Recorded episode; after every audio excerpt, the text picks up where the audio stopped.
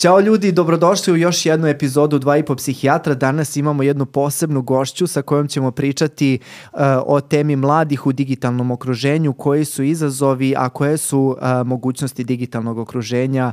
Uh, budite uz nas.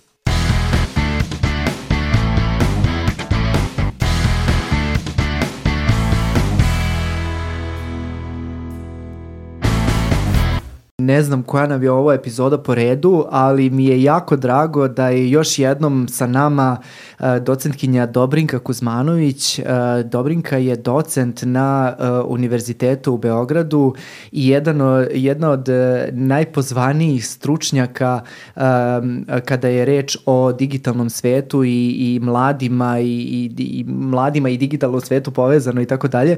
Tako da, Dobrinka, hvala ti još jednom što si tu sa nama i jedva čekam da se malo bacimo u uh, priču o digitalnim medijima i tehnologiji, generalno i uticaju tehnologije na mlade, jer mislim da je to nešto što nas sve jako golica, ta tema onako vrlo aktuelna uvek. Ćao Roberto, hvala ti na pozivu. Uh, mnogo mi se dopada ova forma, da znaš, a i uh, digitalno je moja omiljena tema. Da, da, da, da, da, da. Drago mi je da ti se dopada. To znači da ćeš opet da dođeš, ja se nadam. Da, da čim budem moći... imala nešto to značajno one, da, da. i zanimljivo, a nadam a znamo se da će šta to se biti kuva, uskoro. Tako da. je, tako je, pričat ćemo malo i o da. tome. Uh, hteo bih da počnem uh, sa tim da nam kažeš nešto o sebi. Uh, kako je uopšte došlo do toga da se baviš digitalnim medijima? To nije neka onako najpopularnija tema za, za, za nas. Jednog uglavnom. psihologa. Pa to, to, nekako svi uvek beže od toga, znaš, i da. onda mi je, dra, drago mi je da sam čuo da se neko baš onako studiozno time bavi, onako baš pravo istraživački.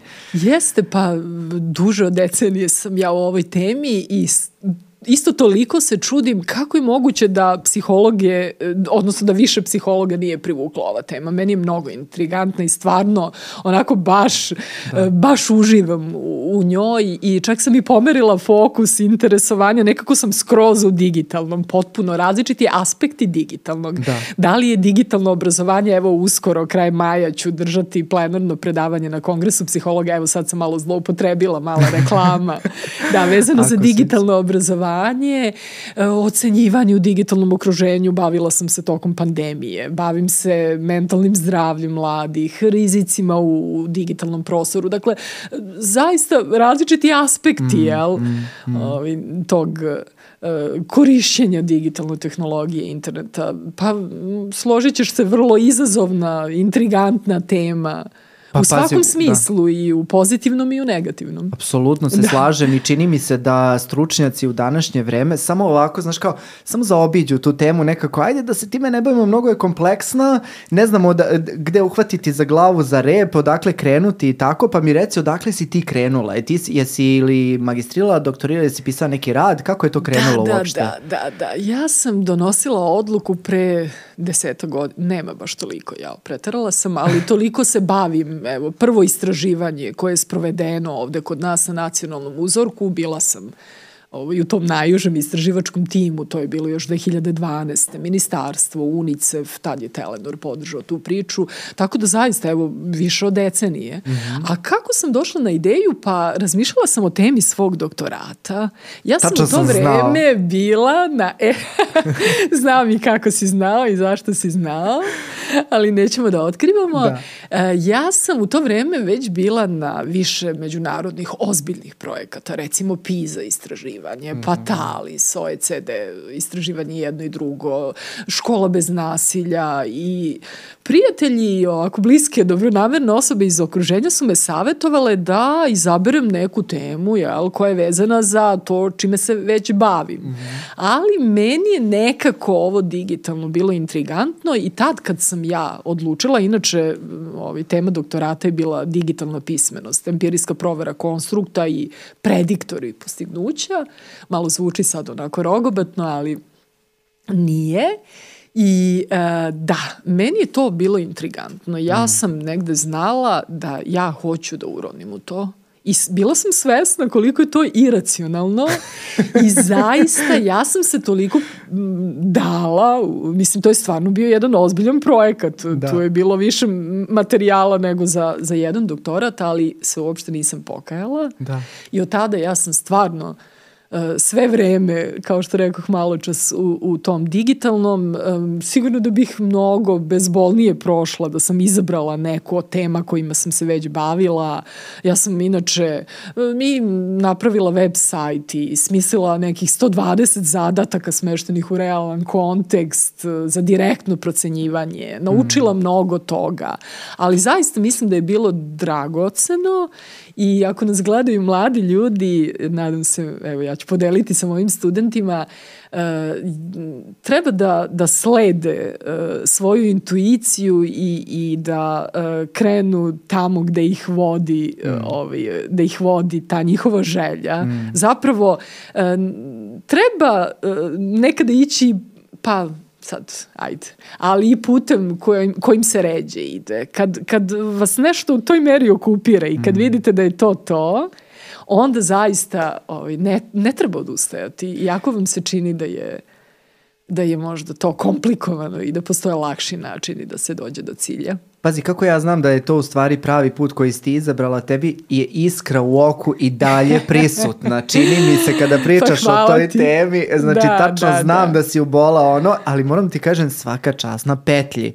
Pazi, pre deset godina odlučivanje čime ćeš da se baviš, društvene mreže, internet u zamahu najvećem svom, čini mi se da je to bilo tad u tom periodu, nekako svi smo se plašili. Najveće promene na globalnom nivou u, u svetu internet interneta su se dešavale u tom periodu svaka čast ovaj, kako Samo da ti kažem da... jedan detalj. Tada kada sam uh, odlučila da se bavim digitalnom pismenošću, ja Aha. sam inače operacionalizovala evropski okvir. Nedavno je on revidiran i to je najvažniji okvir digitalne pismenosti, digitalne kompetencija. Ne samo u Evropi, već i šire. E, tada sam ja ukucala, sećam se na Google i uopšte nije sintagma bila prevedena na srpski. Ništa nije bilo od literature na srpskom. Digital literacy. Čoveče. Da. Uopšte ništa nije bilo ovde. I onda sam ja krenula onako e, redom da iščitavam literaturu i da uvodim neki konceptualni okvir. Zapravo nije bilo lako prevesti mnoge pojmove na, mm, na, na mm. naš jezik. To i danas teško. Imamo mnogo tih anglizama mm, u, mm. u srpskom jeziku jer prosto ne znamo kako da, da prevedemo mm, te mm. strane pojmove mm. iz ovog digitalnog vokabulara.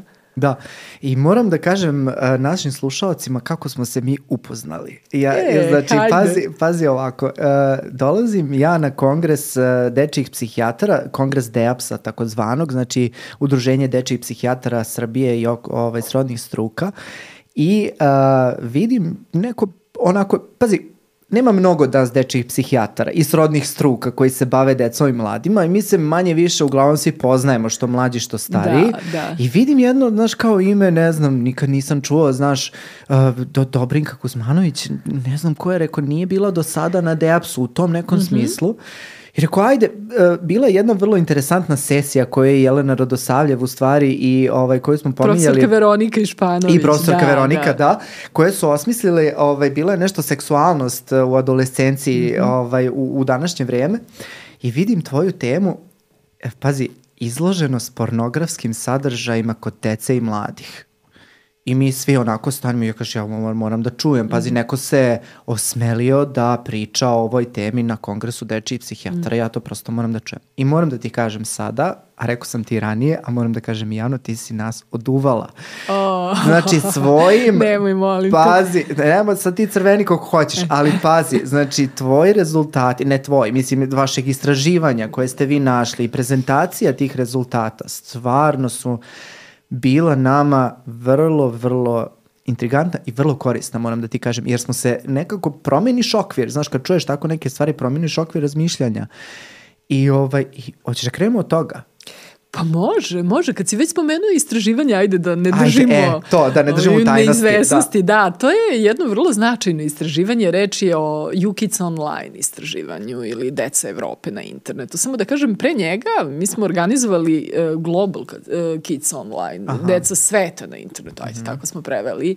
Ali ovo istraživanje Deca Evrope na internetu je stvarno jedno od na, najrelevantnijih evropskih istraživanja. Ono se realizuje ono već duže od 10 godina. Mislim da je prvo, prvi ciklus je bio 2010. godine. Mm -hmm. Pa da, evo, sad je 23. Ovo to je znači vreme. periodično istraživanje jeste, na svakih par jeste, godina. Jeste, jeste. Mm -hmm. Ovaj prethodni ciklus u koji smo se mi prvi put uključili, mislim, kad kažem mi, mislim na Srbiju, mm -hmm. bio je krajem 2019. godine i evo sad spremamo novi ciklus. Mm -hmm. Pre par dana je uh, bio neki online sastanak tog međunarodnog jel, konzorcijuma, tima to projekta. To ono kad smo se čuli u pola 12 jeste, i ti kažeš, jeste, ja, tek je sad gotovo. Da, jeste, da, da. e, I sad se mi spremamo za naredni ciklus, ja jedva čekam zaista rezultate tog istraživanja i, i uopšte realizaciju istraživanja. Sad mogla bih ja o tome da pričam, znaš koliko, mm, ali mm, ti me krati, mm, molim te, mm. urazumi me.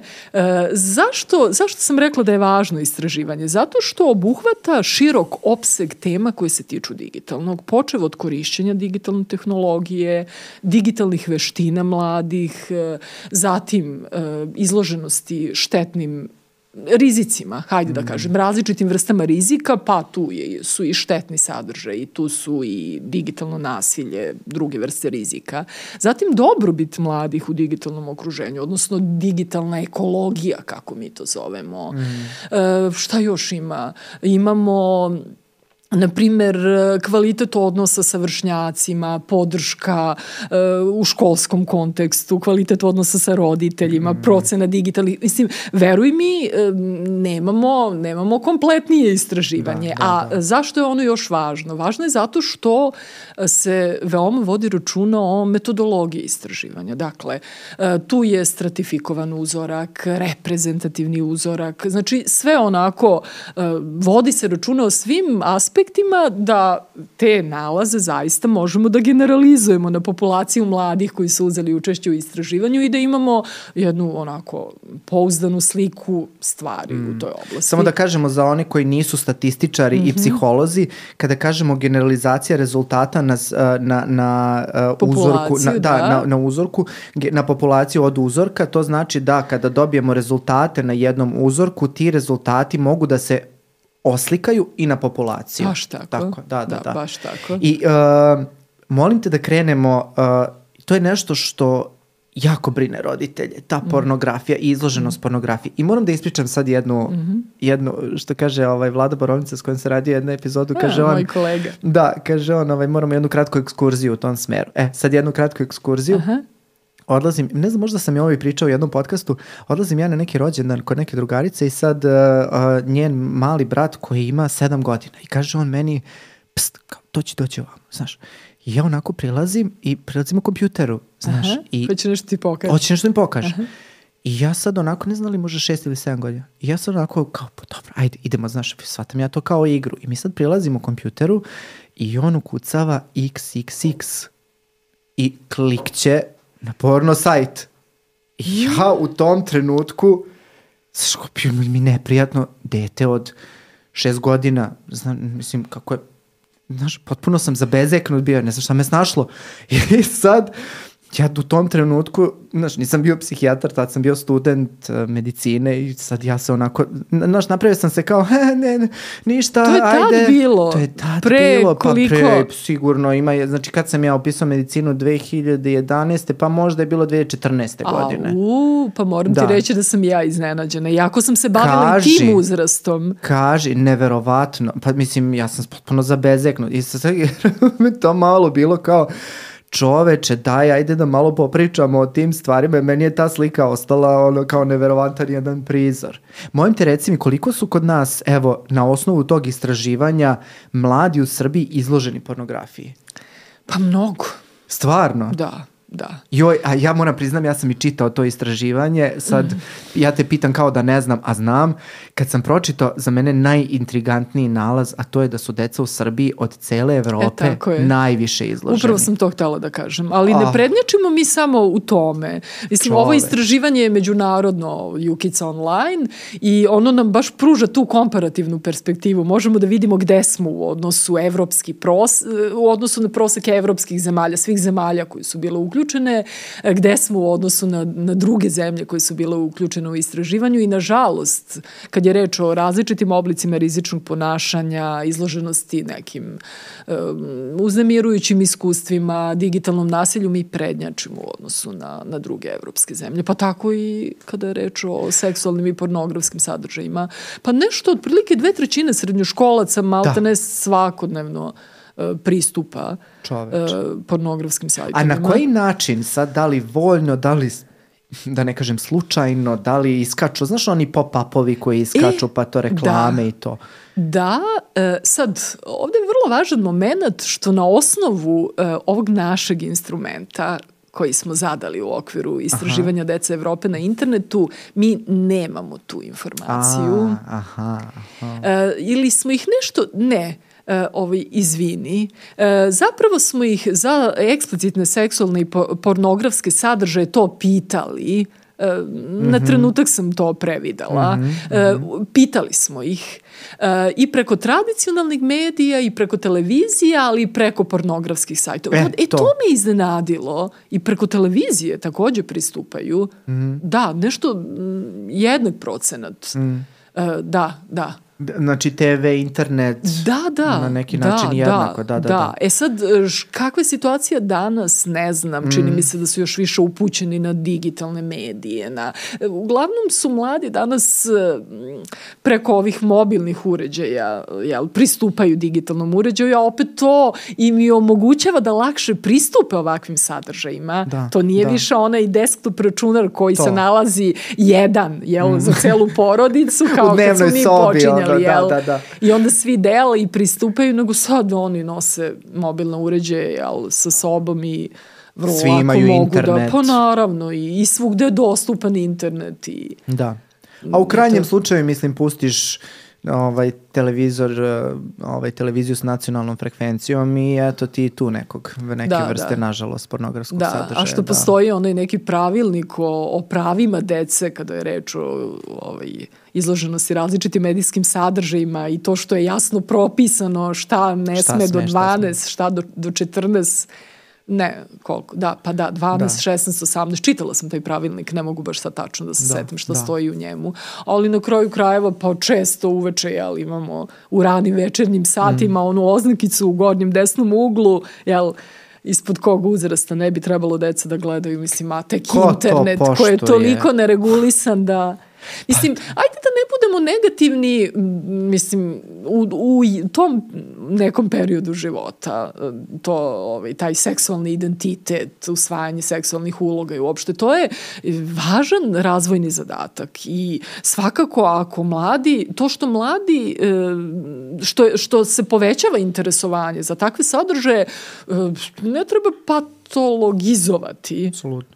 Jel tako? Slažeš sa mnom? ma, apsolutno To je se slažem, najnormalnije se i slažem. novi, a, Pazi, nema... tražili su se takvi sadržaji u naše vreme. Ma mislim, mislim, naravno, ali ajde krale su se se različite, mislim, da, ne znam da smem da kažem, ono, panerotike sa, Pa naravno. sa trafika i tra, ono, krali su se tatini playboyevi, ja se sećam, mislim, šta, šta sve nisu radili, ono, ovaj, deca iz, iz okruženja mog, tako da i u naše vreme je to bilo, samo na drugi način dostupno, tako da je to apsolutno normalno, to hoću da kažem, ali ono što mene brine je ta malo tamnija strana. Znaš, ako ti je sada već toliko dostupno, do koje mere će to da ide? Znaš. Da, da. I kako će to uticati i uopšte na odnos? Tako je, i na regularnom nivou ako se izlažu, znaš, pošto Da, sam da. i to u tom istraživanju Jest. u krajnjem slučaju i to što si ti pomenula, ovaj, e, e, video da, da je manje više izloženost učestala svakodnevna Jest, jest. šta to radi uh, o, o nečijem uh, poimanju seksualnog odnosa, o nečijem mm. poimanju vođenja ljubavi ili čega god i na koji način će neko razviti uopšte svest o tome kada je izložen svakodnevno u tom razvojnom periodu kada je to jako bitna tema sadržajima, izvini što te da, prekidam, kaži. koji nisu uzrasno i razvojno tako primereni. Je, tako je, to tako nisu je. uh, web sajtovi koji su prilagođeni potrebama dece mladih tog uzrasta. To su sadržaji za odrasle. Tako ne znam ni da li su na kraju krajeva tu ima svega i svačega. Da. Ni da li su za odrasle, e, apsolutno se slažem. Odrasle. Da, da, da, apsolutno se slažem. Ba ja se sećam, da, bre, ima bila ona knjiga Kreativni centar izdao Let's Talk About Jeste. Sex, ono, ajde pričamo o seksu, pa za, za dečake i za devojčice, pa mi smo to gledali kao da je, ne znam ti nija šta, verovatno Sećam bi se sada deca tog istog uzrasta, 10-11 godina bi nam se smejala. Bilo kao, bi im banalno i banalno, smešno šta da, su da, da. oni sve videli i čuli. Tako je, tako je. Da, tako da, je. da. Drago mi da smo se dotakli ove teme, ovo je neki tabu moram da priznam, mm. ne priča se mnogo o, ovome i drago mi je da smo malo ovaj, dotakli se te teme. A Imamo mi mnogo tabua. Ja, jest, Sve stvarno. što je loše mi bismo da gurnemo po tepih, nek se neko drugi bavi time. Yes. A samo da ti kažem, ovaj, izvini molim to što sam te prekinula, ne, ne ovaj, roditelji nemaju svest o tome. Ja sam i neka strana istraživanja, baš povodom tog depsa i tog mog izlaganja i onako pripremala sam se pa sam čitala i strana istraživanja, ali ovde kod nas roditelji pocenjuju zapravo uh, ovaj, učestalost dece, odnosno učestalost ovakvih ponašanja. Nemaju svest. Oni žele da veruju da njihova deca ne posećuju takve sajtove, da to nije baš tako zastupljeno. Da, znam Tako ta da... istraživanja kada se gledaju šta deca zapravo rade na internetu i šta roditelji misle da jest, deca rade na internetu. Jest. I tu postoje velike diskrepancije. Tako je, da, tako je. Da. I uh, ono što je meni zanimljivo, roditelji misle da su im deca bezbednija na ulici nego na internetu. Stvarno? To su mislili 2012. u tom prvom istraživanju koje smo mi sproveli na nacionalnom uzorku. A e, da, da li smo ih to pitali sada u UKIDS Online? Pa možda nismo baš tako formulisali pitanje, mm -hmm. nismo. Mm -hmm. Pošto je to jedan instrument koji je zajednički za sve zemlje koji učestvuju u mm -hmm. istraživanju, pa nemate baš prostora da modifikujete jel, Mnogo. pitanja. Mm -hmm. Mm -hmm. Da, ali eto, ovaj, u nekoliko istraživanja smo imali taj nalaz. Mm -hmm. Da, et, možda i to razlog zašto se roditelji baš ne uključuju, ali dobro, stići ćemo do te teme. Zašto se ne uključuju malo više u digitalni život svoje dece? Da, da, da, to je stvarno tema za sebe. A samo mi reci sad, uh, to nekako uvek izbegava se da se kaže, ali meni se čini da je digitalno vreme sada ono što kažu englezi new normal, nova normalnost. I čini mi se da, da dosta ljudi izbegava to da prihvati I pogotovo roditelji, kao ne možemo i dalje da se suočimo mm -hmm. sa tim. Šta ti misliš, je, koliko deca u stvari provode vreme na internetu, koliko provode vreme u offline svetu, ako mogu tako da nazovem, ovaj, i da li uopšte može da se sada povuče paralela između nešto ili je to sad samo život? Znaš kao online, offline, Nema tu. Nema više, da. ne, digitalno, izvan digitalno, to je toliko o, je, pomešano, tako da kažem. Da. nema, nema više granice. Kad pitate e, klinca, oni kažu pa stalno sam na internetu. Praktično stalno im je taj digitalni uređaj pored njih i svakog trenutka oni su nešto mm. ovaj, tako da I koliko je to? Jeste li merili kao koliko e, je to screen? Je, uh, ovaj, to je sad vrlo zanimljiva tema. Ti si rekao na početku da sam ja istraživač, pa se ja često pozivam na to. Da, da. Ove, ovaj, je, uh, nije lako izmeriti koliko smo na internetu, upravo iz razloga što smo stalno i uh, na Aha. našim digitalnim, to su sad izazovi mm. uh, i, i neke teme o kojima naučici prilično raspravljaju, pa i oni koji realizuju ovakva istraživanja. Kako ti uopšte da dođeš do informacije, koliko neko dnevno provodi vremena na internetu? Uh, vrlo je teško, teško je toj osobi da proceni. Evo recimo, ja kad sam ispred ekrana, ja uopšte ne mogu da verujem kako mi brzo vreme prolazi. Znači, mm. moja procena, samo procena se uopšte ne poklapa sa objektivnom procenom. I apropo toga, pročitala sam pre nekog vremena da uh, postoji jedna nova disciplina koja se zove uh, psihokibernetika. Aha. E, e, dakle, ovi nauč, e, stručnjaci iz, iz digitalnog, jel, ovi, digitalnog domena, tako da kažem, pokušavaju da nam pomognu, nama istraživačima, da e, na jedan objektivniji i pouzdaniji način prikupimo informacije. Zapravo koriste se aplikacije mm -hmm. koje nam pokazuju koliko smo vremena proveli E, ali ima i tu izazova zato što mi ne koristimo jedan digitalni uređaj, je li tako? Tako je, tako je. Većina nas. Sad, mm. uglavnom, klinci koriste uglavnom mobilne uređaje, to mm. nam i istraživanje pokazuju.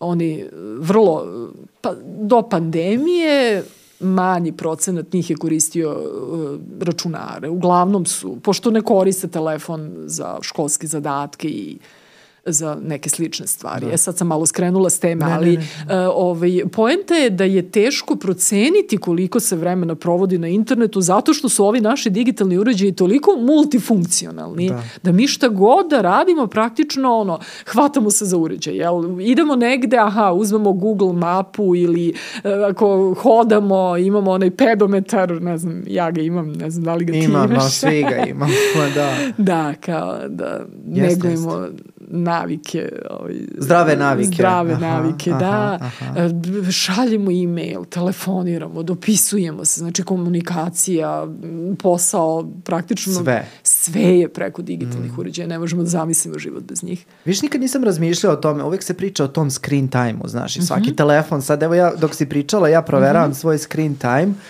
moram priznati, Manje od 3 sata, pazi, ali to je zato što sam danas... Digitalna dobrobit, jel? Aplikacije? Ne, ne uh, ovaj moj iPhone, boga mi, ima i sam ugrađen. Aha. Ovaj, I kao trenutno mi je danas 2,5 sata i delujem kao neko ko nije zavisnik, međutim, evo mi kaže uh, week average Uh, jo, bože, bolje da ne kažem.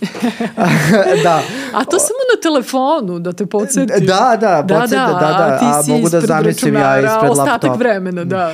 Ma naravno. Da. Da, da, to se ja zavara. Nego, Aha. ovaj, šta sam te da te pitam, uh, da li ima sada razlike, uh, pošto smo pričali ovo pornografija, i postoji razlika između nas i drugih zemalja. Da li postoji razlika u screen time-u i generalno u provođenju uh, uh, na internetu vremena između naše dece i recimo mm -hmm. dece u više razvijenim zemljama, recimo mm -hmm. u zapadnim zemljama?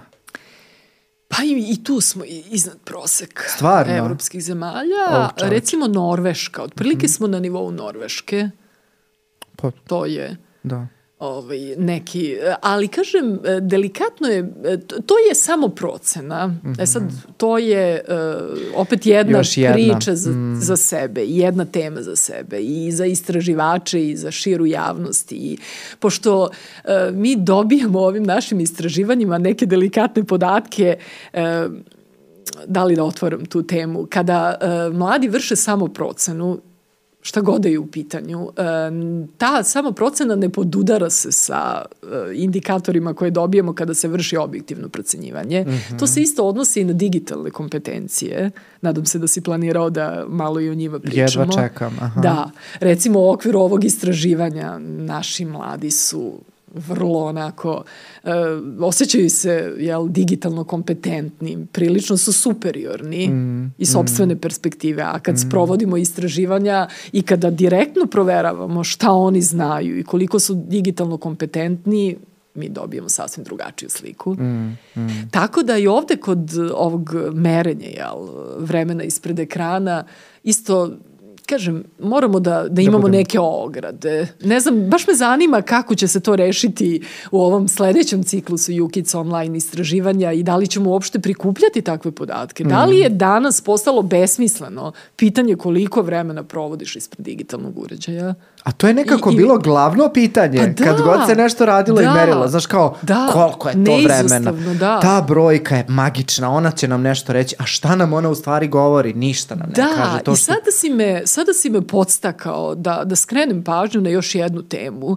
Mi zapravo e, ovde govorimo o količini vremena ispred ekrana i naš mm. fokus je na količini vremena, što je potpuno pogrešno. pogrešno. Mm -hmm. Zapravo fokus treba pomeriti na kvalitet vremena ispred ekrana, šta mi to radimo, u kakvim aktivnostima provodimo vreme, pošto je uglavnom, žalost, ovi naši digitalni uređaji su sad ovaj, da ne ulazim u razloge, ali tako su konstruisani da svi imaju nekakve gedžete za zabavu, za komunikaciju, što reče ovaj, postman, zabavljaćemo se do smrti. Ono, mm. Dakle, e, uglavnom ih koristimo za komunikaciju i zabavu. Vrlo malo za neke konstruktivne stvari. Mm. Ne koristimo, mi suštinski ne koristimo potencijale digitalne tehnologije. U jednom istraživanju, pre par godina, jedna devojčica nam je rekla, sećam se, ja sam vodila fokus grupu i rekla je, meni je to tako tužno. Internet nam pruža toliko mogućnosti, a mi ga koristimo na ovako glup gluposti, način. Ali bukvalno aha. je tako rekla. Mm. Zaista tim rečima. Slažem Tako se. da imaju i oni svest o tome. Mm. Ali eto, e, znači, kvalitet vremena i količina vremena ispred mm. ekrana, mm. vrlo važna tema, pogotovo za, za roditelje, to. ali zapravo za sve nas, ne samo za roditelje i za odrasle jo, korisnike. Kad pomenu roditelje, kao da si mi misli pročitala. Sad baš hoću da se dotaknem toga, čini mi se da sve vreme kada god se priča o zavisnosti od interneta i o digitalnom svetu, stalno pričamo o mladima i olajavamo mm -hmm. mlade. Šta je s roditeljima? Evo, moja majka ne može se skine s Facebooka, kako ja ti kažem, znači potpuno I moja, činim. verovao ili ne. pa to ti kažem. Jako je u sedmoj deceniji života. Da, da. Ne, od nedavno ima Facebook, ovaj, ja sam do duše kumovala tome, ali, ali neverovatno, baš sam iznenađena ovaj, da. kako, kako ovaj... Jo, ali ubiće me, ubiće me majka jer ja nju stalno olajavam u ovom podcastu. I onda, ja? ali, ali mnogo smešno, da, mnogo je smešna je zato što ona sad uzima i kuca poruku i kaže, ostavi više taj telefon, ostavi, a sve vreme bulji, znaš, kao bulji u ekran. Ja kažem, bre, nije ni svesna zapravo. Nije, uopšte nije svesna. Da, uopšte da. nije svesna. Ko što mi, naravno, vrlo često nismo svesni kako provodimo vreme, tako da čini mi se da se to prevodi prenosi da, da. na njih. A, i, Ovi roditelji, to, to što si to, pitao. roditelji, da. Pa današnji roditelji su digitalni urođenici, mada ja ne volim baš tu sintagmu digitalni urođenici, zato što se ona vrlo često krivo interpretira mm -hmm, u mhm, javnom mm -hmm, diskursu. Mm -hmm, Prenski je još davnih, e, ono, na početku ovog 21. veka ovaj, smislio tu sintagmu i onda su je prigrabili razni u smislu da se generacije, današnje generacije mladih koji odrastaju s digitalne tehnologije od najranijeg uzrasta, da se oni razlikuju, da su oni digitalno vešti, da su oni, jel, da oni govore digitalni jezik kao svoj materni jezik. Mm -hmm, mm -hmm. I uprkos tome što i sam Prenski nekoliko godina kasnije rekao, ok, svesna sam, ajde sad parafraziram, nisam bio u pravu,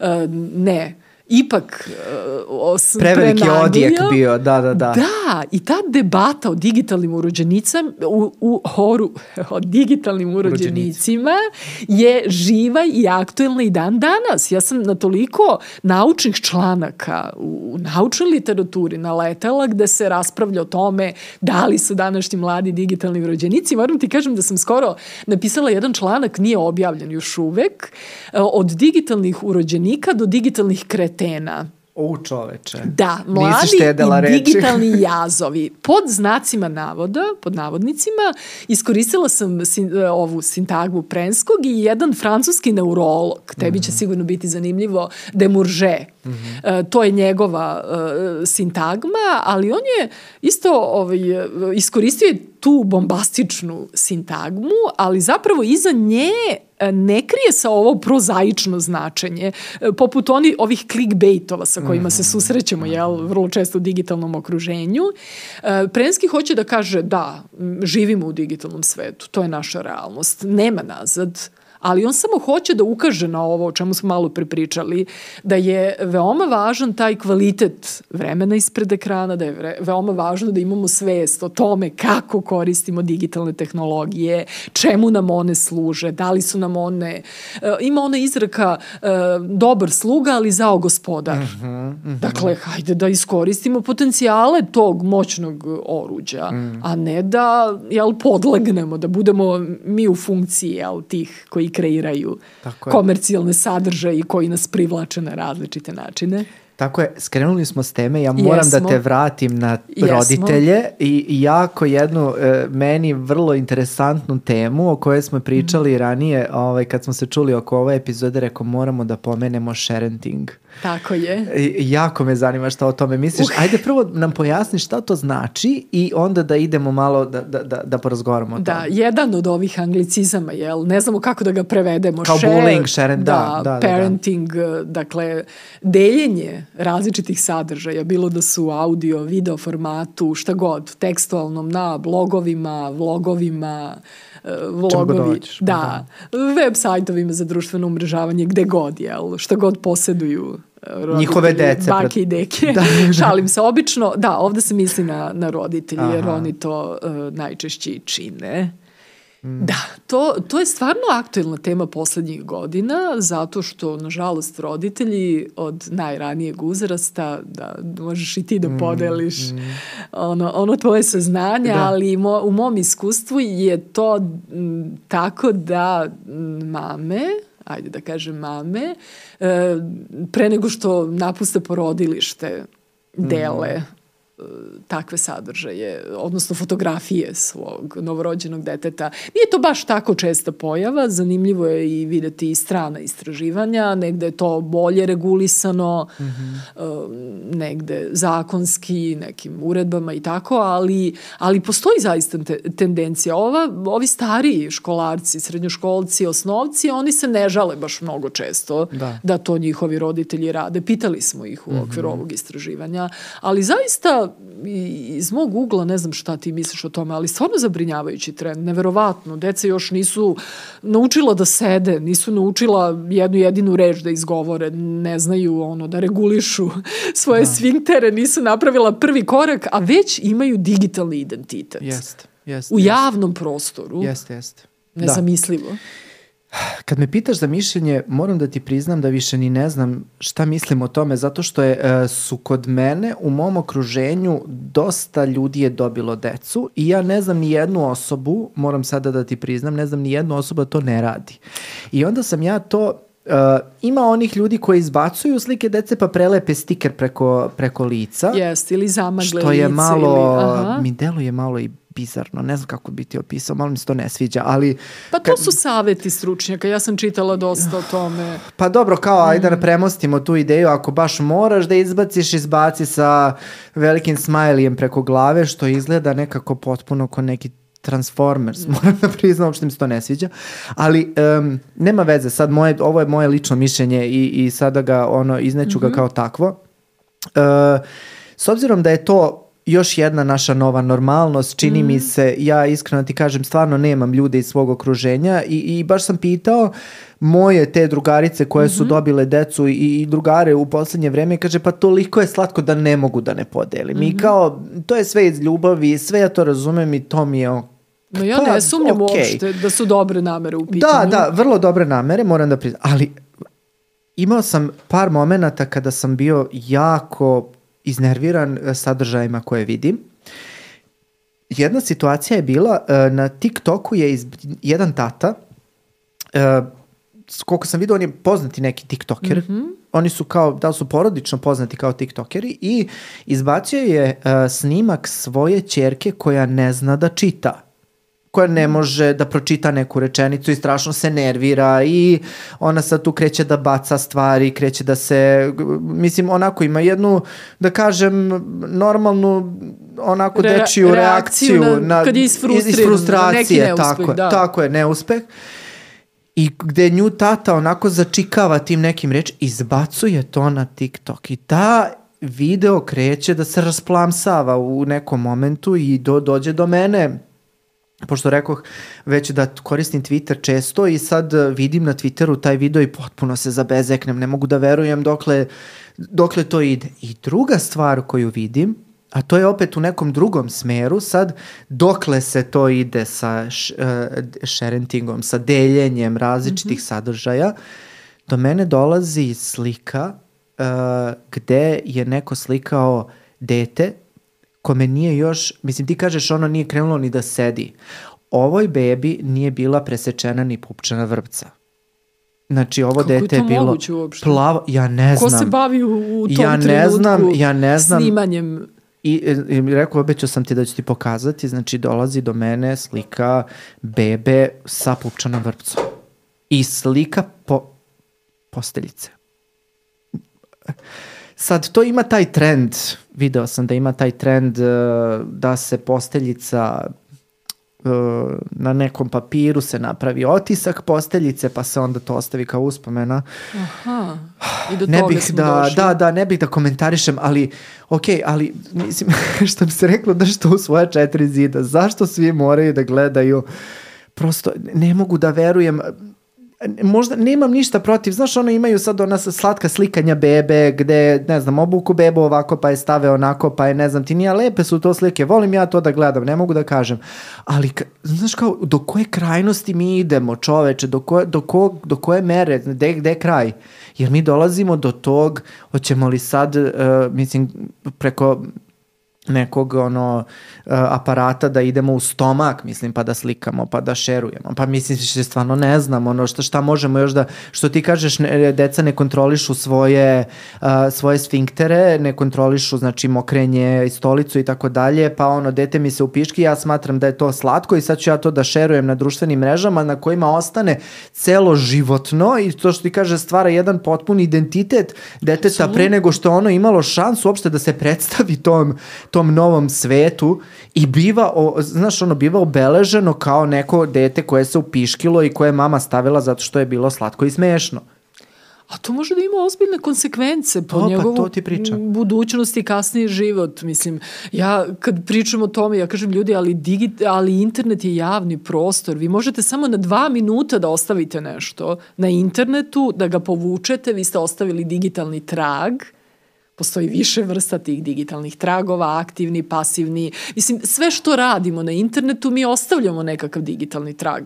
Dovoljno je da pristupimo pa imamo IP adresu pa se vidi sa koje adrese smo pristupili. Dakle, ne znam čemu to sad možemo da razmišljamo koja se potreba zadovoljava i da li to. nešto, kao da ne postoji, ono što se nije podelilo i ono što drugi nisu videli Nije kao da ne desilo. postoji, nije Da. se ni desilo, da. Da, da. Ali znaš što je meni još zanimljivo? E, Gledala sam i to, istraživala sam malo.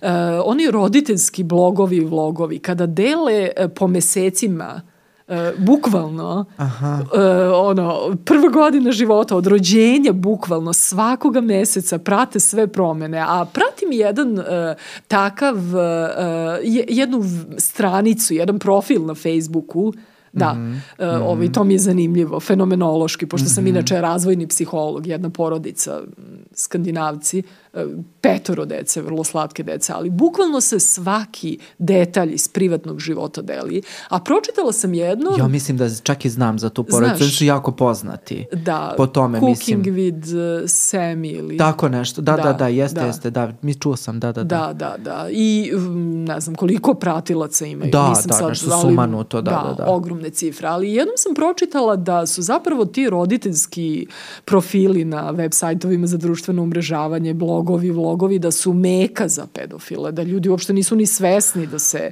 na taj način Da. e, može doći do, Da, da, da. do deteta i prosto ovaj, da to može da ima Jeste. stvarno Jeste, video Da sam čak, posledice. u jednom trenutku sam imao TikTok i uh, za potrebe ist, mislim to kao, hteo sam da vidim šta je to Isto. toliko zanimljivo. Isto ja, samo sam ga zato Da, otvorila. i mogu ti priznati, malo sam se navuku, znaš, nije mi bilo sve jedno, to jeste poprilično onako onaj algoritam prepozna šta voliš da gledaš i onda te privuče. Pa te bombarduje da, da, takvim bombarduje te, sadržajima, pa to bombarduje te. jeste problem. Ne mogu ni da zamislim da sam dete školskog Da, da. uzrasta, šta bi mi ono, na, na, na Kad šta ne bi se možemo mi da se odupremo, To ti vrlo često. I sad dolazim do nekog, uh, nekog profila uh, gde majka objavljuje uh, da je pogrešila zato što je izbacila sliku svoje čerke u haljinici gde je videla gomile komentara nekih Neumesnih, jel? neumesnih I komentara, ali znaš kako su to jezivi komentari? To, to je bilo kao, pa iz, a, pazi, to je devojčica po mojoj nekoj slobodnoj proceni šest godina. Šest godina, sedam godina u haljinici išla na, nek, na neku proslavu, nešto i pazi komentar, izgleda starije za svoje godine. I ti sad ona snima taj video kako ulazi na profil tog čoveka, vidi se, znaš, ono slika čoveka i to znači prosto da ti, se, da ti mrak na oči padne. I to što ti kažeš, nismo svesni, to je javni prostor, nismo svesni ko to gleda. Pa samo pomislite paralelno sa tim da slika, da objavite sliku vašeg golog deteta na televiziji. Mm. Isto je.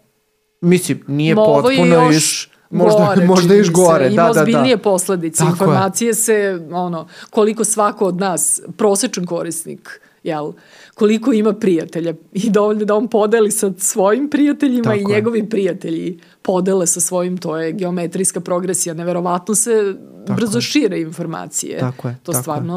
Tako je. Tako jeste je. ozbiljan, ozbiljan problem. Tako je. Mislim, nekada je problem, nekada je uh, rešenje problema. Mm, Evo, i bili smo vinovnici toga prethodnih dana, ne znam, pozovete ljude, neophodno je da se da krv, to plane na društvenim mrežama, dobrovoljno davanje krvi, jel? Mm, Plane na društvenim mrežama i odjednom se stvori ne znam koliko ljudi. Mm. Znači, dve strane medalje, to je tako, to je život. Ali Jest. mi treba da napravimo balans. Mhm, mhm. Da. Da li je veće jel, šteta ili korist? Da, da. Meni se čini ti da je si- to najvažnije. I ti, kad, kada smo pričali o temama uh, o kojima ćemo pričati, ti si pomenula nešto što se meni jako svidalo, nešto što se zove tehnooptimizam i tehnopesimizam. Mhm. Da, je li ima veze sa tim u stvari, da, da su to u stvari dve strane iste medalje?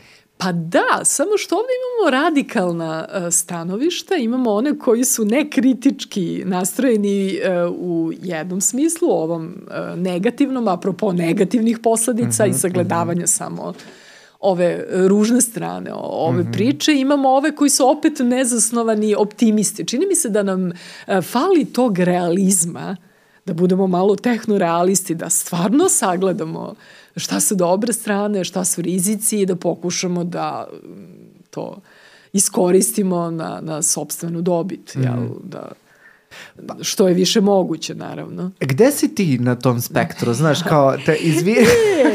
Znaš, kao, moram da pitam Šta stručnjaka. misliš? Šta misliš? E, ja mislim da si ti više optimista. Pa bravo. Jel da? Jel da? E, super. Da, da. da. Da, da, ja sam bliže ovoj... To, ovoj, to optimistične da, koli- strane. Koja god da je, da, da. A u Pa kom da. smislu si najviše težiš ka tome? Pa, e, smatram da, da stvarno ne možemo da, evo recimo konkretno, da se vratimo na, na moj doktorat, E, da nije bilo interneta i digitalne tehnologije, prvo ne bi bilo povoda da ja radim to što sam radila, drugo ne bi bilo šanse da, da se bavim tom temom. Ja nisam ušla ni u jednu biblioteku, ja nisam ni jednu, pa dobro, ajde sad pretarala se, možda je Pa uglavnom i nije bilo, nisam pretarala. Sve je bilo u digitalnoj formi. Mm, Sve. Ja nisam imala papirnih knjiga, recimo kad sam studirala, verovatno i ti, dobro, ajde, ovaj, ja sam nešto ranije, ali uglavnom sam učila i štampanih knjiga. Tako je, tako je. Ove, a ja, zapravo, to, to je stvarno jedna baza podataka, informacija i koje se multiplikuju tom brzinom, stvarno. E sad mi imamo tu, opet, opet imamo neke izazove, znaš. Ove, kako da razvojimo žito od kukolja. Aha. Ali dobro, to je život. Pa kao što smo ih Izrastamo. imali bez interneta. Mislim, uvek smo imali taj izazov. Pa znaš. možda je sad malo veći taj Da. izazov, zato što smo zatrpani informacijama. Da. I e, jako mi je drago da pričam sa tobom kao tehnooptimistom. Ja moram priznati da sam i ja tu negde. Ali, Pretpostavila sam. Da, da, ali e, jako, mi jako je teško boriti se sa tim zato što kada god odeš na neki psihijatrijski kongres ili kada god slušaš o digitalnim medijima, slušaš Svi se obruše na negativno. To, Aha. to, znači idemo, so, znači, Aha. samo kreni da, da, da, krene da pljušti kiša negativnih ovaj, stvari povezanih sa internetom i to je. E, povezanosti društvenih mreža sa anksioznošću, povezanost društvenih mreža sa insomnijom, povezanost sa depresijom, povezanost sa manjom socijalizacijom, povezanost sa zlostavljanjem, povezanost sa čim god hoćeš. Jest, jest. Nigde nismo videli, uh, znaš ono, šta je to, šta je to pozitiv? Ima tih negativnih, slažem se, ima, apsolutno da da, ali nije sve tako crno, ljudi moji. I drago mi je, mi smo pisali jedan... Mm, ima uh, Institut za mentalno zdravlje ima časopis koji se zove Psihijatrija danas i mi smo tu objavljivali radove koje smo uh, uh, naših predavanja koje smo držali na jednoj na jednom simpozijumu uh, instituta.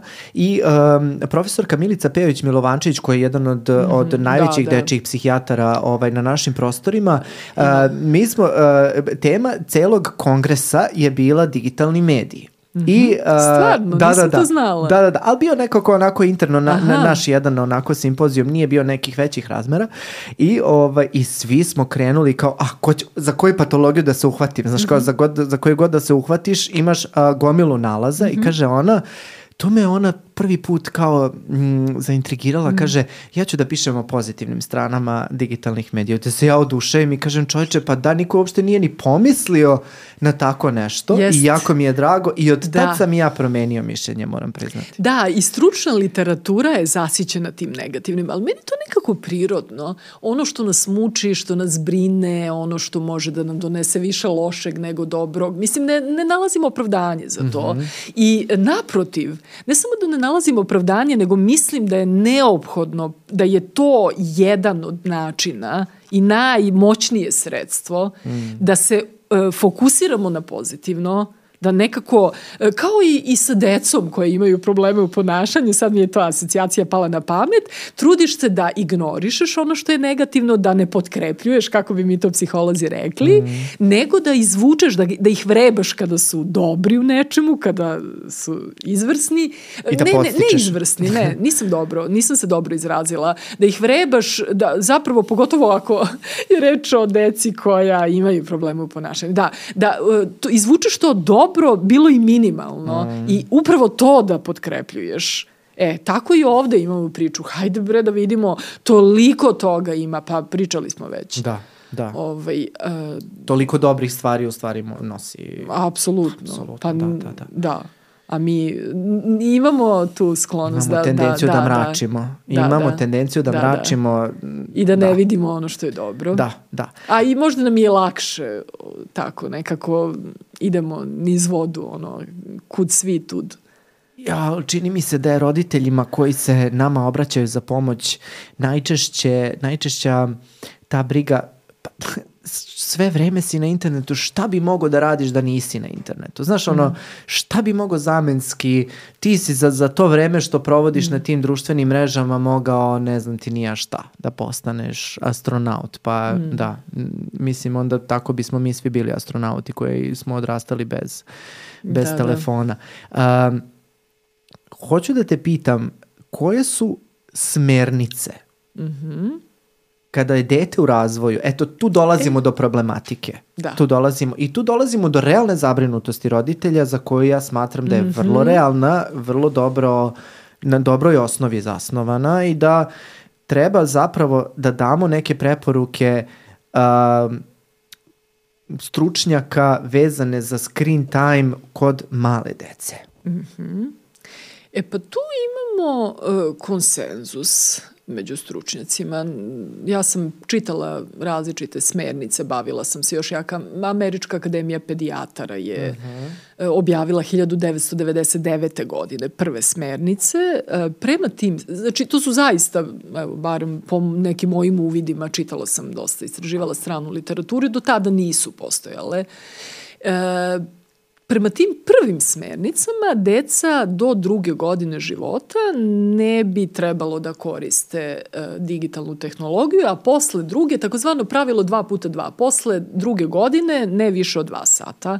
E sad, kako je e, korišćenje digitalne tehnologije raslo, odnosno postajalo sve učestalije, tako su se i menjale te smernice. One su dva puta revidirane, umeđu vremenu su i nastale smernice u drugim delovima sveta, pa imamo recimo Svetska zdravstvena organizacija je nedavno objavila svoje smernice koje su zanimljive, evo reći ću u kom smislu, ali šta je načelo, kad sam rekla da postoji konsenzus, što je dete mlađe, to treba manje vremena da provodi ispred ekrana. Dakle, e, dete u razvoju e, ne može da e, zadovolji svoje potrebe u razvoju, mislim i na kognitivni i na jezički, emocionalni, socijalni razvoj. Neophodna mu je interakcija licem u lice, ne, ne uči na odgovarajući način. Dakle, e, mnogo bolje uči u interakciji uživo nego e, iz digitalnih medija. I ono što je vrlo važno, ja to često pričam roditeljima, nastavnicima, po, pogotovo roditeljima, E, Kada su deca, e, na primjer deca predškolskog uzrasta, roditelji imaju tendenciju da od digitalnog uređaja naprave digitalnu cuclu, kako se to često može čuti, ili digitalnu dadilju. Mm. Kada su zauzeti, kada moraju nešto da urade, kada hoće da obezbede sebi vreme, jel? Oni daju detetu digitalni uređaj u ruke. Veoma je važno da imamo na umu da stručnici preporučuju da deca predškolskog uzrasta, dakle deca starije od dve godine, koriste digitalne uređaje samo uz posredovanje odrasle osobe. Dakle, ne da im date digitalni uređaj da biste oslobodili sebi vreme za nešto drugo, već da e, imate uvid u, što, u to što deca rade na digitalnom uređaju, da razgovarate, da recimo ako je to, ne znam, neki crtani film, da se pre nego što detetu date, izložite ga tom sadržaju, da se sami informišete. O čemu se to? Šta je to, da vidite koja je tu oznaka, imaju one PEGI oznake. Mm, mm. Obično stoje pored svake igrice ili ne znam, nekog video sadržaja, na primjer u Google prodavnici, mada ni to nije garant, nažalost. Postoji ta PEGI klasifikacija, ali često uh, i u tim sadržajima koji su najmenjeni deci najmlađeg uzrasta, ta oznaka PEGI 3, znači mm -hmm. mlađi od 3 godine, mogu da se pronađu i nekakve reklame i mogućnost trošenja novca, znači komercijalni sadržaj. Ma da, živimo u... Da, da, u kapitalizmu. Mislim, A da, da, da. Ovaj, samo komercijalni interesi na prvom mestu. Da. Ali ono što je bitno, dakle,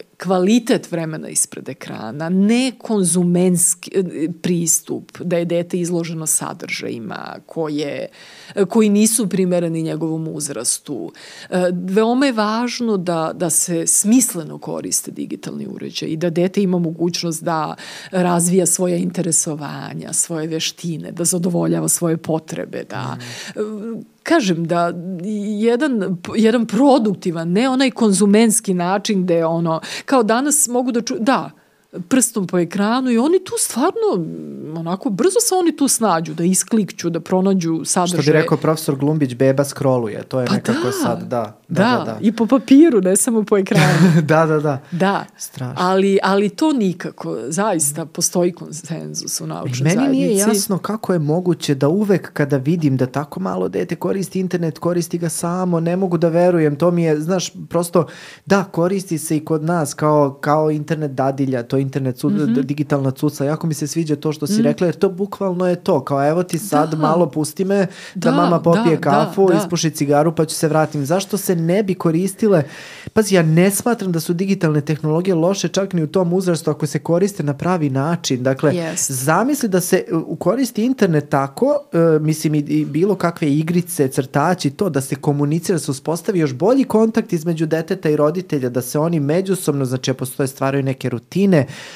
ajde sad ja se igram, pa ti se igraš, pa idemo zajedno, pa nešto radimo zajedno, koje smo igrice. Jeste, da. jeste. Da, da taj uređaj bude integrisan. Tako je, tako je. I da bude neki posrednik. ove aktivnosti svakodnevne. Tako, tako da nekako je, tako ne ide na uštrb uh, ovih uh, aktivnosti koje su važne za normalan razvoj, funkcionisanje deteta. Nikako da, to. Da. Imamo screen time i green time. Mm, ovo zeleno sviđa. vreme i ovo mhm. vreme ispred ekrana. Obično se stavljaju jel, na, na suprotne strane.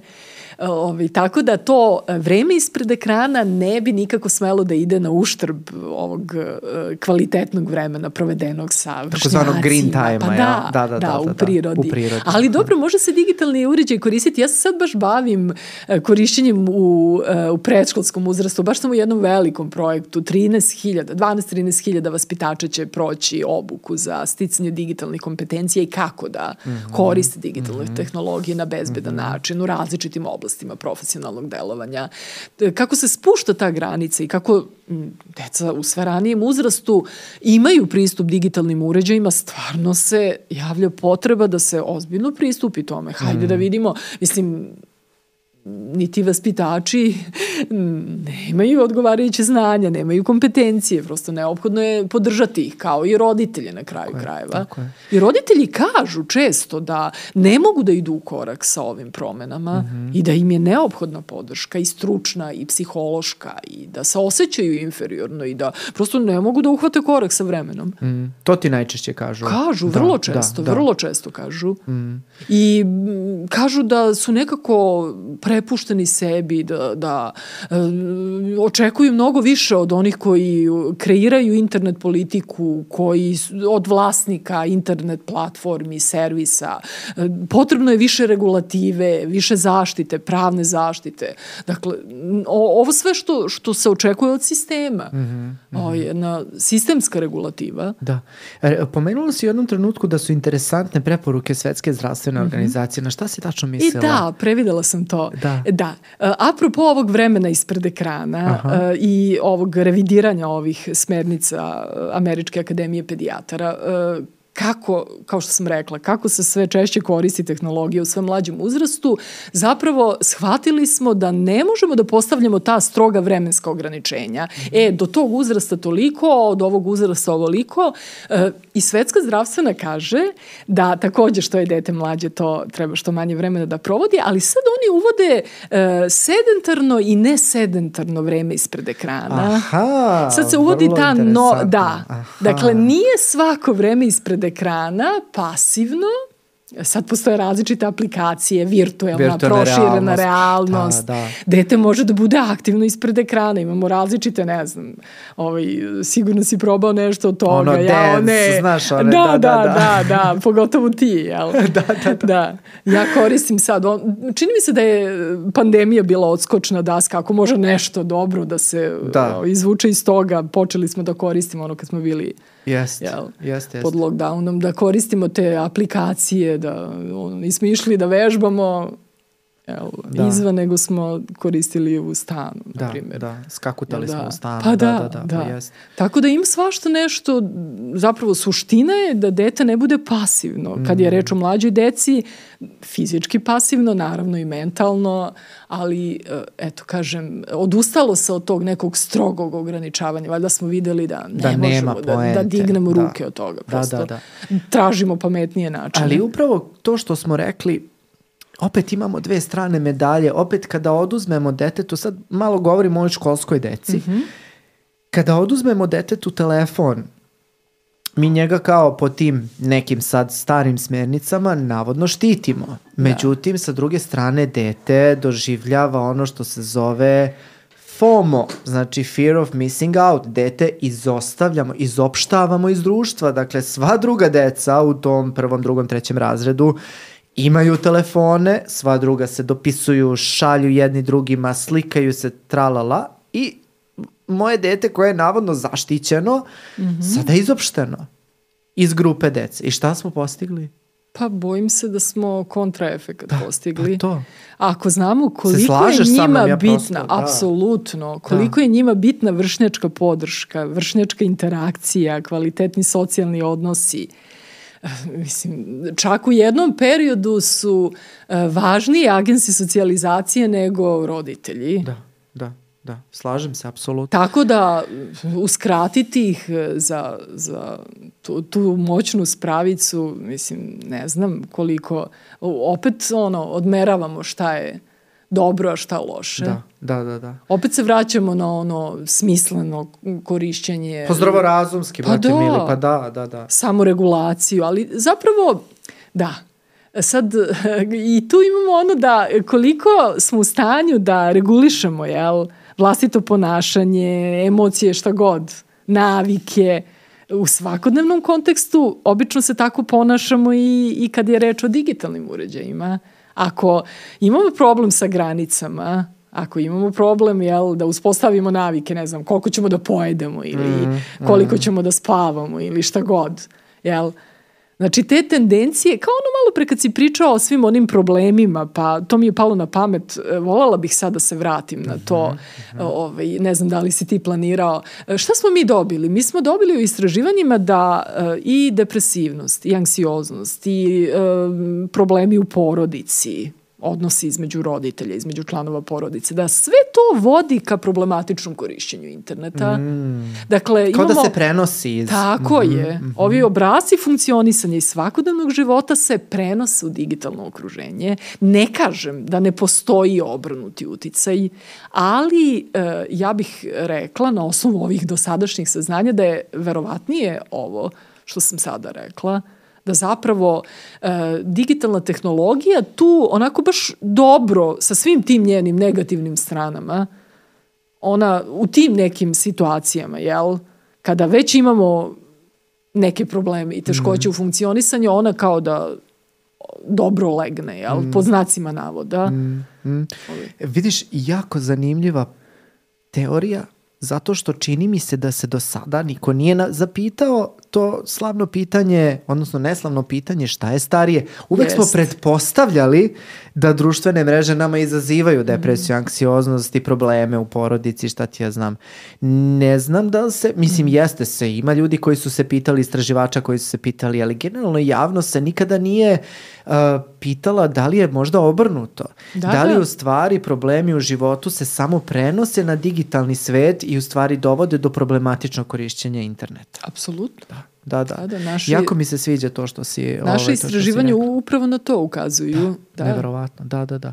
E, a kaži mi sad, ovaj, da malo popričamo o tvojoj omiljenoj temi, to je digitalna pismenost. Aha. A, to mene jako interesuje, vrlo Aha. mi intrigantan pojam. Šta, šta obuhvata digitalna pismenost? Šta je to u stvari? Da, e, kad smo ranije govorili o pismenosti, jel, davnih decenija, ono, šta je značilo? Pismen je onaj ko zna da čita i piše, jel? Da, da, Ove, ovaj, da. I to je to kao pismen. E, danas imamo potpuno drugačije shvatanje pismenosti. Danas govorimo o funkcionalnoj pismenosti, pa pismenost podrazumeva znanja, veštine, stavove. Dakle, nije dovoljno da nešto znate. Neophodno je da to možete da primenite u svakodnevnom životu. I na sve to i da imate odgovarajuće stavove prema fenomenima. I cela ta priča ide od onog PISA istraživanja, mm -hmm. Program for Inter International Student Assessment, program za međunarodnu procenu postignuća učenika Srbije još od 2003. godine. Čak. Imala je prekide. Ono, matematička, čitalačka, naučna pismenost, funkcionalna mm -hmm. pismenost. Znači, mm -hmm. sama reč funkcionalna kaže da to nisu statična akademska znanja, nego da smo mi u stanju da primenimo ta znanja u životu. To su ona znanja sa kojima mi možemo da rešavamo svakodnevne životne probleme. Možemo da poboljšamo kvalitet našeg života. Mm -hmm. To nije ono što ćemo mi da izručimo tamo na času kad nas nastavnik pita, nego šta ja znam da uradim? Umem li ja da primenim to što, što sam naučila? Kako da iskoristim? Da, da, da. da.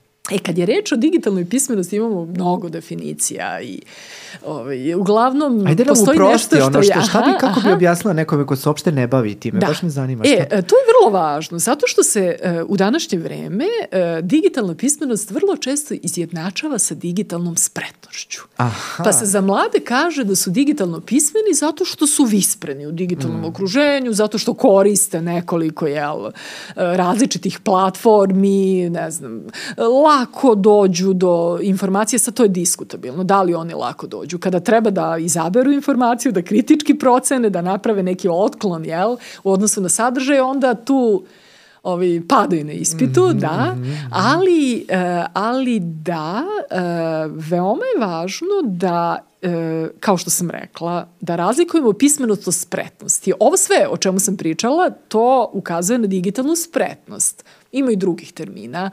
A digitalna pismenost podrazumeva kao što rekoh malo čast, u, u skladu sa ovom opštom jel, definicijom pismenosti, da mi posjedujemo nekakva znanja da li je to oblast e, informacije i podaci, komunikacija, saradnje u digitalnom okruženju, bezbednost, rešavanje problema. Dakle, sve su to različiti aspekti digitalne pismenosti. Uopšte nije naivno, a olako kažemo, e sad, e, današnje deca su digitalno pismena. Znači, sve ove oblasti podrazumeva mm. digitalna pismenost. Čak ove novije koncepcije, recimo ovaj evropski okvir je nedavno revidiran krajem prošle godine i uključuje primere koji koji se odnose na veštačku inteligenciju. Mm. Sad se od prosečnog mm. građanina očekuje da ima svest o tome kako uh, funkcionišu digitalni alati, koji je udao veštačke inteligencije u tome, na koji način sve to jel, utiče na korisnike. Znači, i to je digitalna pismenost. Znači, prilično složen, složen koncept. Da. Znači, da imate znanje, da imate digitalne veštine, da umete da koristite sve to i da imate uh, svest o tome. Naprimer, ovo što smo ti ja malo prepričali, e, kako digitalna tehnologija utiče na mentalno zdravlje, na dobrobit, kako utiče na okruženje. Imamo ta teme, digitalni otpad. Mm. Menjamo naše digitalno uređaje svako malo, jel? Mm. Mm. Šta se dešava, gde oni završavaju, kako to utiče na, na ekologiju, na, na naš život, na dugoročno gledano. Mm. Dakle, stvarno ovaj, e, digitalna pismenost u pravom smislu te reči podrazumeva različita znanja i veštine mm. i uopšte nije lako postati digitalno pismen. Zato se ona sad inkorporira u obavezan program nastave i učenja. Recimo imamo od prvog razreda osnovne škole digitalni svet. Sledeće godine će ovaj predmet biti obavezan za sva četiri razreda, mislim na mlađe razrede osnovne škole. Imamo digitalnu pismenost u okviru informatike, na primjer, od petog osnovne do kraja srednje škole, Ali, mislim da je vrlo važno da spomenemo to da je digitalna pismenost međupredmetna kompetencija. Šta, zna, šta to znači? To znači da se ona stiče u okviru različitih predmeta. Aha. To znači da i nastavnik srpskog jezika i književnosti, i nastavnik matematike, i nastavnik koji pri, predaje prirodne nauke i društvene, dakle, svi praktično mogu da doprinesu razvoju digitalne pismenosti. Evo jedan banalan primer, na primer, pretraživanje e, informacija na internetu internetu, kritička digitalna pismenost, mm. evaluacija, izbor sadržaja, pa i samo pretraživanje. Mladi imaju već problem i kada treba da nađu neku informaciju na internetu, mm. A kamoli da je kritički procene, pouzdanost, valjanost, na primjer da uzmu obzir autora, da uzmu obzir izvor, gde su to pronašli, mm. da ne pričam dalje. E, znači, ako sam dobro razumeo iz tvoje priče, digitalna pismenost je jedan da kažem, kišobran fenomen mm -hmm. koji obuhvata različite aspekte. Baš tako. M, različite aspekte pretraživanja interneta i šta ti ja znam. I uh, jako mi je sada uh, ovo intrigantno što si rekla, zato što ja sam jedan, jedna od osoba koja bi pre ovog razgovora rekla da današnja deca su digitalno pismena mm -hmm. i ti si mi ona rekla, e, pa nije baš tako, e. nisu sva. Uh, većina nije, većina nažalost. nije, da. I to je nešto što mi je da. vrlo intrigantno. Da, problem je što je digitalna pismenost uh, i tekako povezana sa tradicionalnom pismenošću. Sjajno. I ako uh, mi nemamo kritičko mišljenje Razvijeno. u svakodnevnom životu, mm jel, izvan digitalnog okruženja, teško da ćemo mi moći kritički da promišljamo o, o sadržajima u digitalnom formatu. Zapravo to nije moguće. Mm. Da. Pismenost, ova bazična o kojoj smo pričali, je neophodna i za uh, funkcionisanje u digitalnom okruženju. Mm. Znači, opet se vraćamo na ono da nam je neophodan e, taj, ta, ta neka vrsta otklona da, da zapravo tražimo utemeljenje u nekim bazičnim znanjima i veštinama. Mm. Koja sada generacija je digitalno najpismenija, da kažem? Jel bi to bili ljudi koji su uh, rođeni u vreme tehnologije ili odrasli u tehnologiji mm. ili rođeni bez tehnologije pa se nekako u, u starijim godinama učili šta bi, mislim šta je, ne znam da li imaš podatke, mm -hmm. ali šta je tvoje nekako utisak, šta je utisak? Da, reći ću ti šta sam ja dobila u svom istraživanju nastavnici, e, nastavnici koji e, ovaj, rade u osnovnim školama, na primjer e, u uzorku su bili nastavnici koji podučavaju učenike završnog razreda osnovne škole. Aha, aha. Oni su sobstvene sopstvene digitalne kompetencije procenili nižom ocenom nego kompetencije svojih učenika, verovao ili ne. Stvarno? Da. Čak su i nastavnici, e, to je e, podatak od pre par godina, iz istraživanja od pre par godina. Ne znam sad šta, prosto, verujem da su sad nastavnici više upućeni u celokupnu problematiku, više se i radilo na sistemskom nivou po tom pitanju. Imamo sad i okvir digitalnih kompetencija nastavnika mm. već.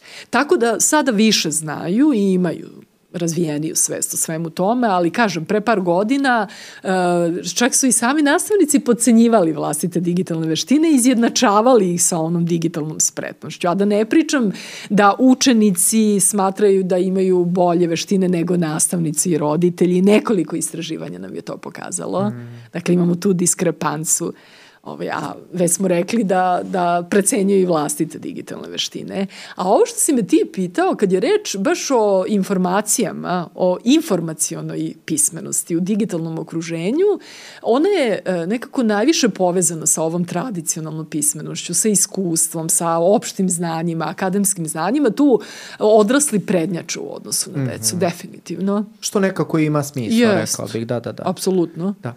Znaš šta sam još teo da te pitam? Da li ova digitalna, slabija, da kažem, digitalna pismenost mm -hmm.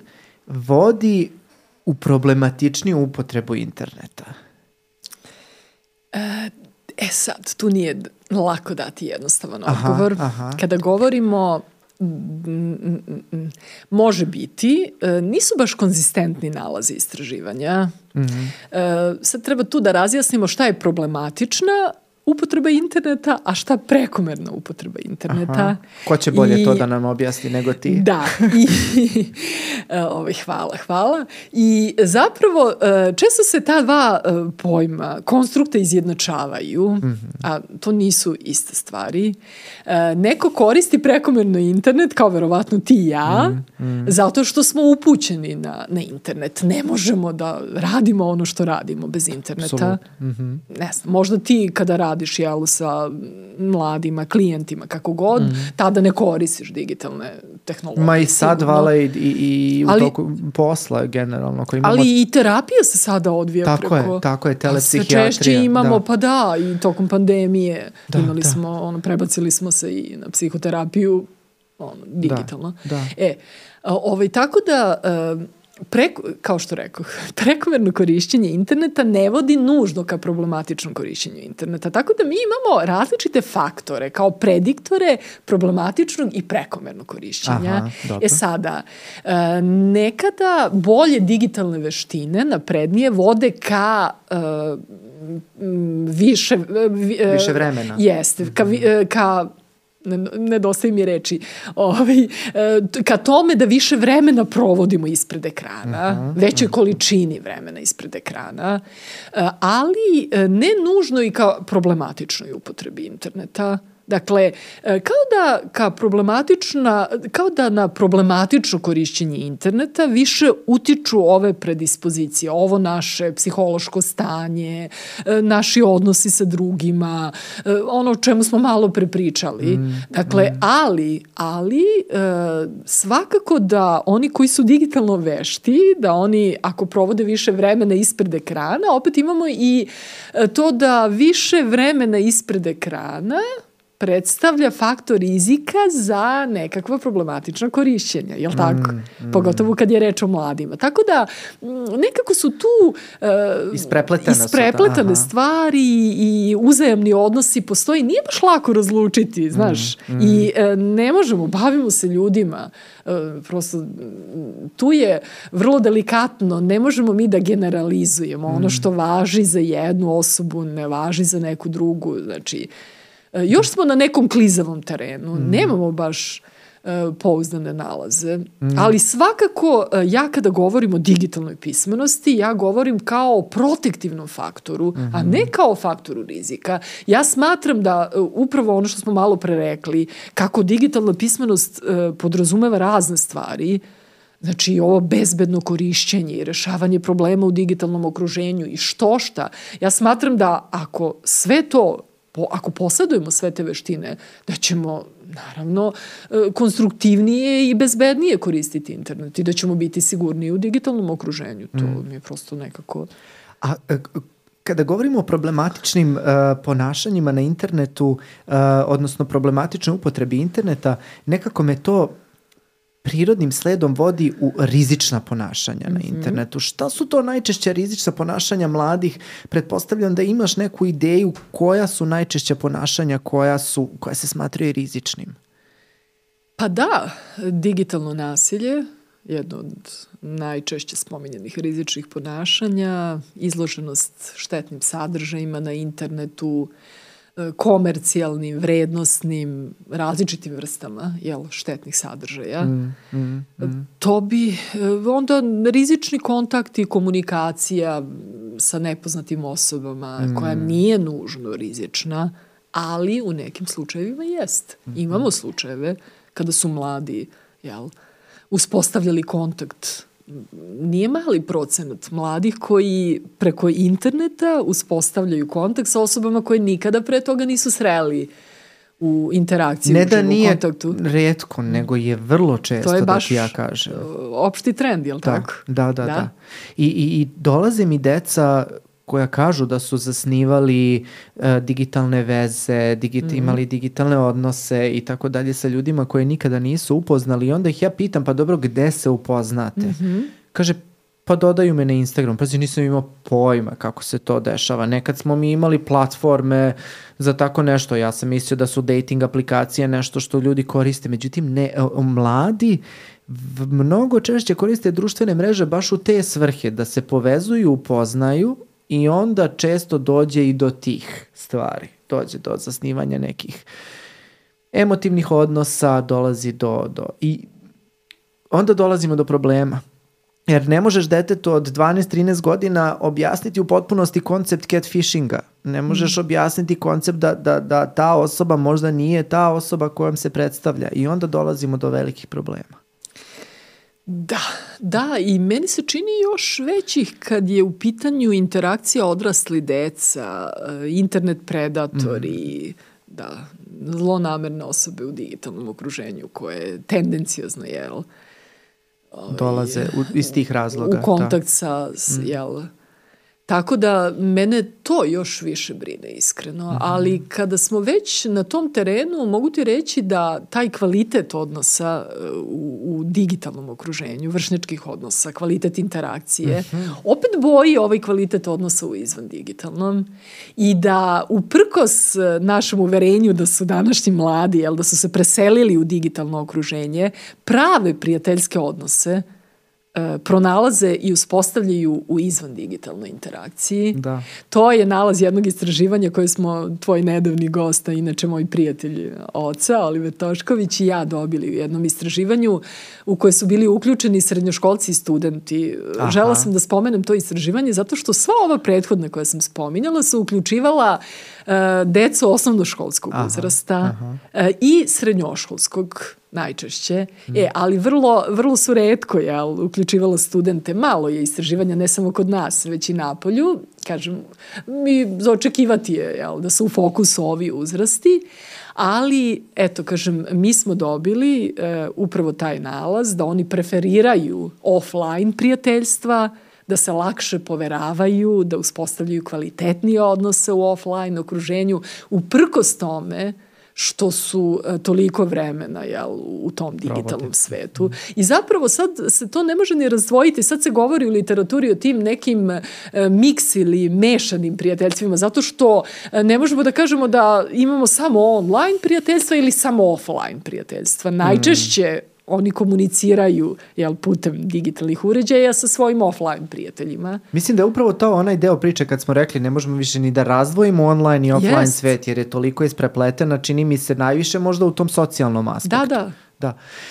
I nekako, kako privodimo epizodu kraju, ne mogu da se ne dotaknem jedne jako bitne teme e, i mislim tema koja nas nekako i najviše zabrinjava kada je internet, upotreba interneta u pitanju, a to je taj online bullying, odnosno e, nasilje na, u internet okruženju.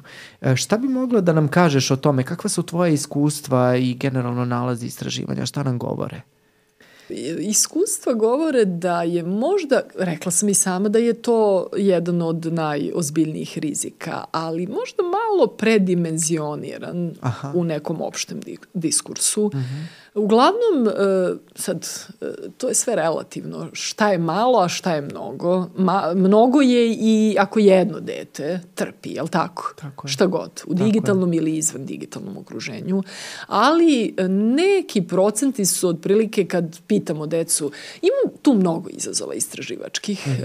Sad večeras čini mi se šta god, o čemu god krenemo da pričamo, sapletemo se o Ali nešto. tako je. Ali tako je. Da. Mislim, moramo da, da se odgovorno ponašamo. Ne možemo da pričamo o nekim nalazima i istraživanjem. E, ja, nažalost, e, čujem svoje kolege, pa mogu da kažem i često u medijima, e, kako izveštavaju o istraživačkim nalazima, bez ikakvih ograda, onako Da, da, da, kad kažu sa ono, bullying ubija decu, Da, znaš, ono. ovoliko, ovoliko ovo, bez ikakvih ograda, potpuno naježim se od, od takvog izveštavanja, od te, doze A neprofesionalizma. mediji jedva čekaju. Apsolutno. Da. A mediji jedva dočekaju i onda se vrti to nešto, uopšte ne znate ni kako ste... A zašto sam to spomenula? Zato što nalazi istraživanja, kada je reč o incidenciji digitalnog nasilja, nisu konzistentni. Sve zavisi. Zavisi kako pitate dete, kako formulišete pitanje, zavisi e, kakve mu odgovore ponudite, da li je, ko, koja vrsta pitanja je, šta, šta se podrazumeva pod digitalnim nasiljem, da li ste definisali jasno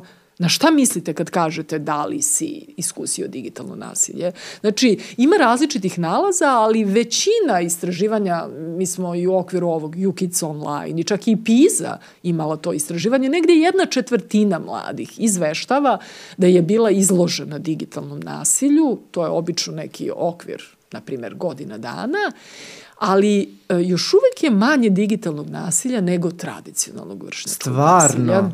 Pa koliko si ti ovde e, tab, tabu oborila? Ja stvarno ne mogu da verujem u ovih ne znam koliko već pričamo. Da, da, iako su povezani digitalno vršničko nasilje i taj takozvani cyberbullying i klasično nasilje su i tekako povezani. Da. I e, zapravo mladi koji češće iskuse nasilje u, u ovom, kako mi to kažemo, tradicionalno, mm. klasično nasilje, oni su češće žrtve nasilja u digitalnom okruženju. Da. Jako mi je drago da nekako obaramo ta uvrežena mišljenja, jer zato smo i osnovali ovaj podcast. Mi dogovorili smo se, profesor Olivera i ja i, i drugi ljudi iz našeg tima, da nekako dovodimo ozbiljne stručnjake koji će na odgovoran način da, do, da daju neke odgovore na pitanja, pa makar ti odgovori bili i ovakvi. Znači, prosto bolje je reći da ne znamo, nego da dajemo takve senzacionalne rezultate koji će se interpretirati na ko zna kakav način i dati ko zna kakve posledice. Tako da hvala ti stvarno ovo, ovo je, ovo je do, mislim, bilo dosta značajno. Ja ću jedva čekam da ispreporučujem svima da pogledaju ovaj epizod. Hvala i tebi mnogo. Uživala sam ovde ovih, ne znam koliko, E, ali sat, čekaj, dva. molim te, izvini, samo neću da te pustim bez jedne, uh, jedne stvari. Znači, ja moram da te pitam da preporučiš nam, to nam je sad postao stalni segment. Znači, molim te, preporuči nam nešto uh, ovo vezano za tvoju temu, znači Mm -hmm. vezano za digitalu i to šta da gledamo, šta da čitamo, je li ima nešto, ne mora čak ni da bude iz te teme, nešto što je tebi interesantno, uvek pitamo to goste da nam preporuča uh, nešto. koliko toga ima. Jo, ja da. mnogo volim Clio, izdavačku kuću i oni imaju jednu ediciju koja se tiče ovoga. Ja sam, sam mnogo toga kupila i, i pročitala od njih. Evo mogu da najavim ovog Mišela de Muržea, Mhm. uh -huh. ovi, ove digitalne kretene. Uh -huh. o, tako da, da najavim, rekla sam zato što mi je Hamović obećao da je dao, da će prevesti. Zapravo rekao je već čim je čuo za, za knjigu, rekao je da je dao na prevod, tako da ću proveriti uskoro da li uh, će izaći knjiga na srpskom jeziku, mm. ali kažem, toplo preporučujem, ima tu i antidruštvene mreže i super povezani i uh, Sherry Turkle i sami zajedno i obnovimo razgovor i uh, zaista Dosta. fantastična, fantastična edicija, da. ali ima literature na ovu temu, što je dobro, sad imamo i, i u digitalnom formatu. Sjajno, sjajno, hvala ti mnogo. Hvala ti još jednom što smo razbili uh, toliko nekih, uh, nekih tema da je evo meni prosto neverovatno koliko uh, se samo meni, a pazi ja se još i bavim mladima i, i, i u, nekom, u nekom smislu i digitalnim okruženjem, uh, koliko si meni stvari sada ukazala na to, a verujem da će nas, naši slušalci mnogo toga moći da izvuku odavde i nadam se da ti je bilo lepo sa nama. Divno mi je bilo, hvala ti, hvala ti mnogo i nadam se da, da će biti prilika da razgovaramo i da sarađujemo. Takođe, takođe.